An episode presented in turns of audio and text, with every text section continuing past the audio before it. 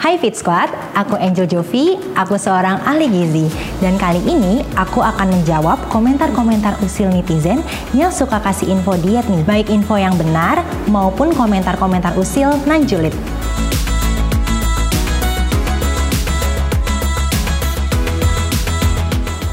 kita baca komen yang pertama. Ya puasa Senin Kamis aja sih gue yang dari 97 kilo setelah puasa Senin Kamis jadi 71 kilo selama 3 bulan. Nah Fit Squad, kalau kalian puasa Senin Kamis selama 3 bulan, memang sih bisa menurunkan berat badan, tetapi perlu dilihat juga nih. Pertama, apa sih yang kita konsumsi selama berpuasa? Jangan sampai puasa yang drastis dan pola makan yang tidak cukup mencukupi asupan gizi kita menjadi bisa berbahaya loh untuk tubuh kita. Salah satunya apalagi kalau misalkan berbuka puasa itu dengan menu yang tidak seimbang. Bisa jadi menggunakan air putih saja atau misalkan menggunakan menu-menu yang sangat mudah untuk dicapai misalnya seperti makanan kemasan atau makanan-makanan instan. Nah, itu sangat tidak direkomendasikan ya teman-teman Fit Squad. Nah, sekarang kita lanjut ke komentar yang kedua. Untuk menurunkan berat badan, hanya kita yang tahu apa yang dibutuhkan dan tidak dibutuhkan dalam diri kita. Ada yang cocok dengan diet model A, ada yang tidak. Sama seperti pilihan dokter, ahli gizi, sama pelatih fitness.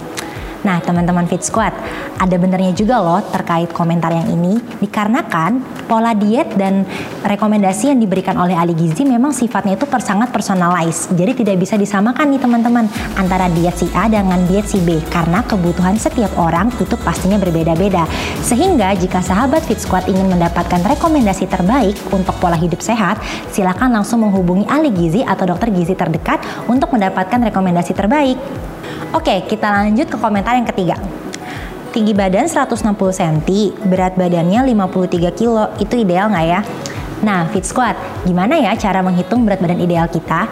Cara hitungnya tuh gampang banget. Dari tinggi badan kita dalam sentimeter, kita kurangin 100, lalu kita kurangi 10%. Nah, pada kasus ini tinggi badan yang diperoleh adalah 160 cm nih teman-teman. Nah, 160 kita kurangi 100, kita mendapatkan hasil 60. Lalu kita kurangi 10%-nya yaitu 6. Sehingga bisa didapatkan 60 dikurangi 6 mendapatkan 54 kilo. Nah, pada kasus ini berat badan yang diperoleh adalah 53 kilo. Berarti seartinya sedikit lagi mencapai berat badan ideal nih teman-teman. Nah, langsung aja nih nih, Fit Squad, langsung aja kamu hitung menggunakan rumus yang tadi ya. Nih, kita coba ya baca komentar selanjutnya. Kalau minum air lemon dan air kunyit asam bisa nggak ya, Dik? Terus kira-kira takarannya per hari yang aman itu berapa ya? Nah, kalau untuk air lemon sendiri sebenarnya kita boleh mengonsumsinya baik di pagi hari, siang hari ataupun di malam hari. Nah, cara mengonsumsinya juga gampang banget nih. Sebenarnya lemon itu bisa aja langsung dicampur dengan air putih biasa. Jadi, jangan langsung diminum air perasan jeruk lemonnya langsung ya Fit Squad. Nah, bagaimana dengan air kunyit asam? Air kunyit asam itu memang bisa menurunkan berat badan. Tetapi penggunaan yang terlalu berlebihan itu bisa membahayakan juga loh bagi tubuh kita. Nah, apalagi kalau misalkan kita mengonsumsi air kunyit asam berlebihan dalam kondisi kita sedang pendarahan. Itu tidak direkomendasikan ya Fit Squad dikarenakan mengonsumsi air kunyit asam dalam kondisi pendarahan bisa membuat pendarahan akan semakin parah dan itu juga bisa menghambat penyerapan zat gizi serta zat besi apabila kita sedang berada dalam kondisi anemia. Sehingga mengonsumsi air kunyit asam itu bisa dikonsumsi secara bijak dan seperlunya saja nih Fit Squad. Jangan sampai kamu salah mengonsumsinya apalagi sampai mengonsumsinya terlalu berlebihan nih karena nanti bisa memiliki resiko bagi kesehatan kalian. Nah untuk takarannya yang bisa dikonsumsi untuk air kunyit asam setara dengan satu gelas belimbing atau sekitar 200 ml untuk air kunyit asam. Boleh dikonsumsi di pagi hari ataupun di sore hari. Dan untuk air perasan lemon, Fit Squad bisa langsung aja nih menggunakan satu buah perasan lemon dicampurkan dengan 200 ml air hangat diminum sebelum sarapan di pagi hari. Oke, kita baca komentar selanjutnya ya Fit Squad. Kalau saya makan rebus kentang pagi satu, sore satu, apakah itu baik?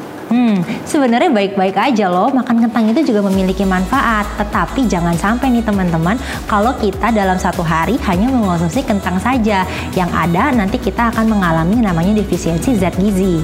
Oke, kita baca komentar selanjutnya. Gimana diet yang baik untuk busui biar anak juga tetap kenyang?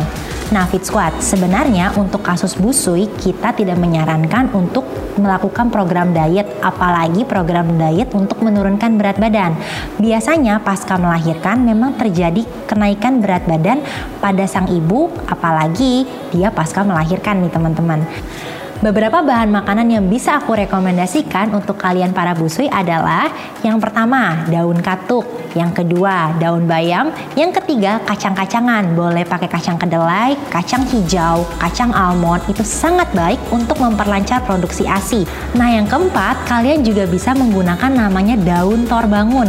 Bisa langsung dicari aja di marketplace atau bisa langsung cari tumbuhannya. Cara masaknya gampang banget, semuanya bisa direbus. Untuk busui sangat direkomendasikan direkomendasikan untuk mengonsumsi makanan-makanan yang tinggi air sehingga dapat memperlancar produksi ASI.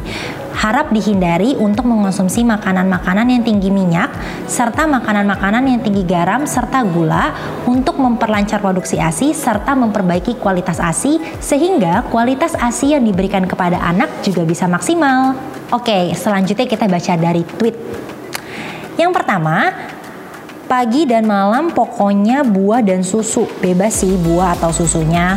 Terus siangnya sayur, kalau enggak ya gado-gado, kalau enggak ya nasi tapi porsinya dikit. Intinya sih banyakkan air putih deh. Aku sehari bisa 4 sampai 5 botol. Hmm, gimana nih teman-teman? Kalau pagi dan malam itu makannya buah dan susu memang bisa direkomendasikan. Tetapi jangan sampai kalian hanya mengonsumsi buah-buahan saja, apalagi cuma dicampur sama susu. Karena sebenarnya kebutuhan kita itu bisa lebih kompleks daripada buah dan susu.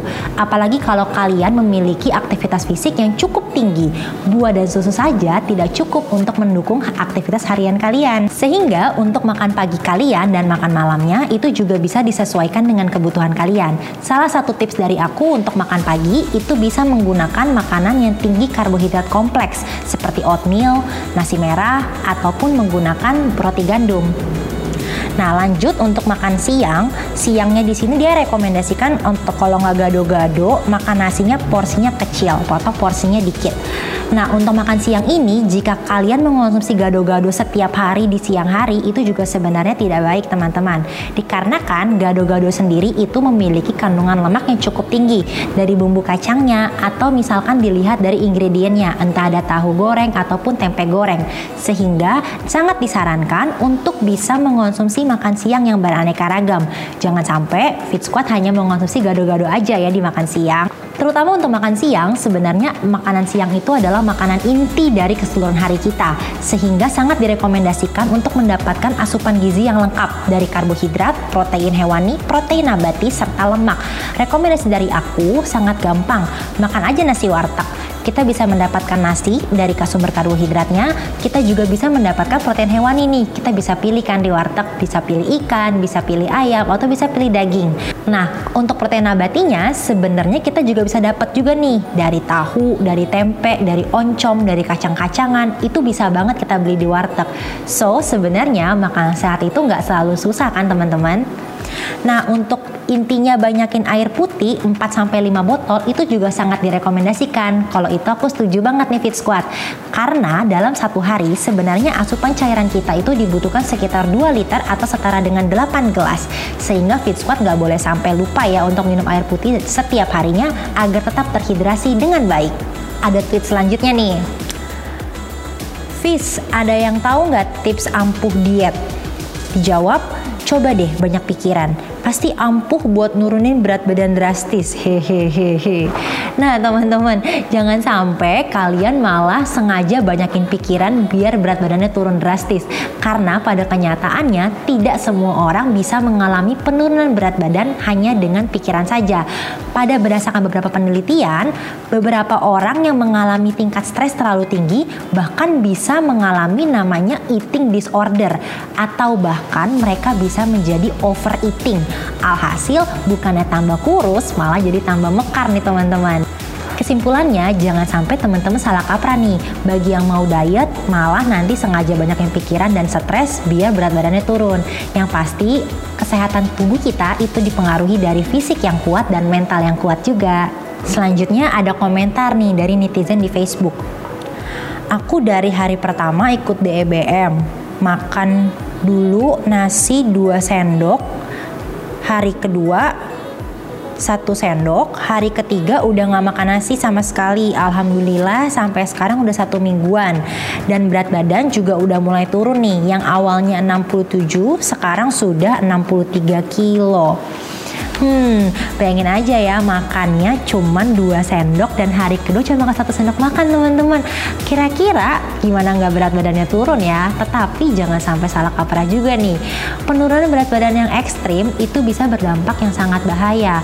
Apalagi kita hanya mengonsumsi karbohidrat dalam satu sendok makan aja.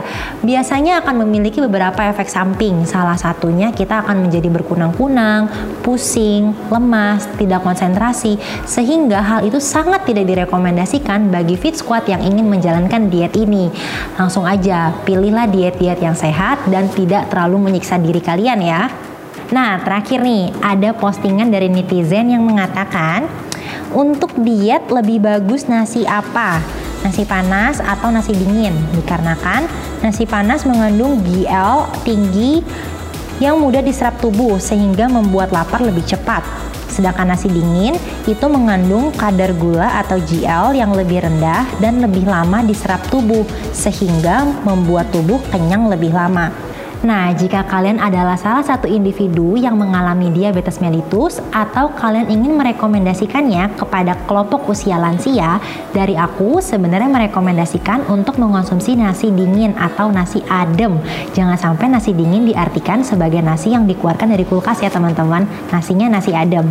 Nah, kenapa? Dikarenakan nasi yang sudah bersuhu ruang atau sudah bersuhu dingin ini bisa memiliki kadar indeks glikemik yang lebih rendah tidak setinggi nasi yang masih hangat ketika kita langsung mengangkatnya dari rice cooker. Pada kasus diabetes sih, kadar glukosa dalam makanan itu sangat berperan penting dalam meningkatkan kadar gula darah di dalam tubuh. Nah, untuk nasi dingin ini memiliki kadar indeks glikemik yang lebih rendah sehingga bisa membantu untuk menahan kenaikan glukosa darah yang sangat drastis, terutama juga untuk lansia karena biasanya seiring dengan bertambahnya usia, penurunan produksi produksi insulin dalam tubuh itu juga akan menurun. Kemampuan untuk merubah glukosa menjadi energi pun juga akan semakin menurun. Sehingga penting banget nih untuk bisa memilih bahan-bahan makanan yang memiliki indeks glikemik yang lebih rendah untuk direkomendasikan kepada kelompok usia lansia. Nah, selanjutnya, bagaimana dengan nasi panas? Apakah nasi panas sama sekali tidak boleh dimakan? Nah, untuk nasi panas, jangan langsung dijudge nih sebagai nasi yang jahat atau nasi yang tidak sehat. Karena kembali lagi, jika kita mengonsumsi nasi panas, namun kita kombinasikan dengan sayur-sayuran, dengan protein hewani, protein nabati, actually sebenarnya makanan itu tetap bisa dikonsumsi atau bahkan menjadi lebih sehat daripada kita mengkonsumsi nasi dingin tetapi tidak menggunakan komponen pelengkap yang seimbang.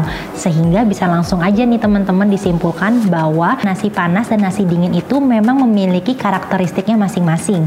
Sehingga yang paling penting untuk di-highlight adalah dengan apa kita mengonsumsi nasi tersebut.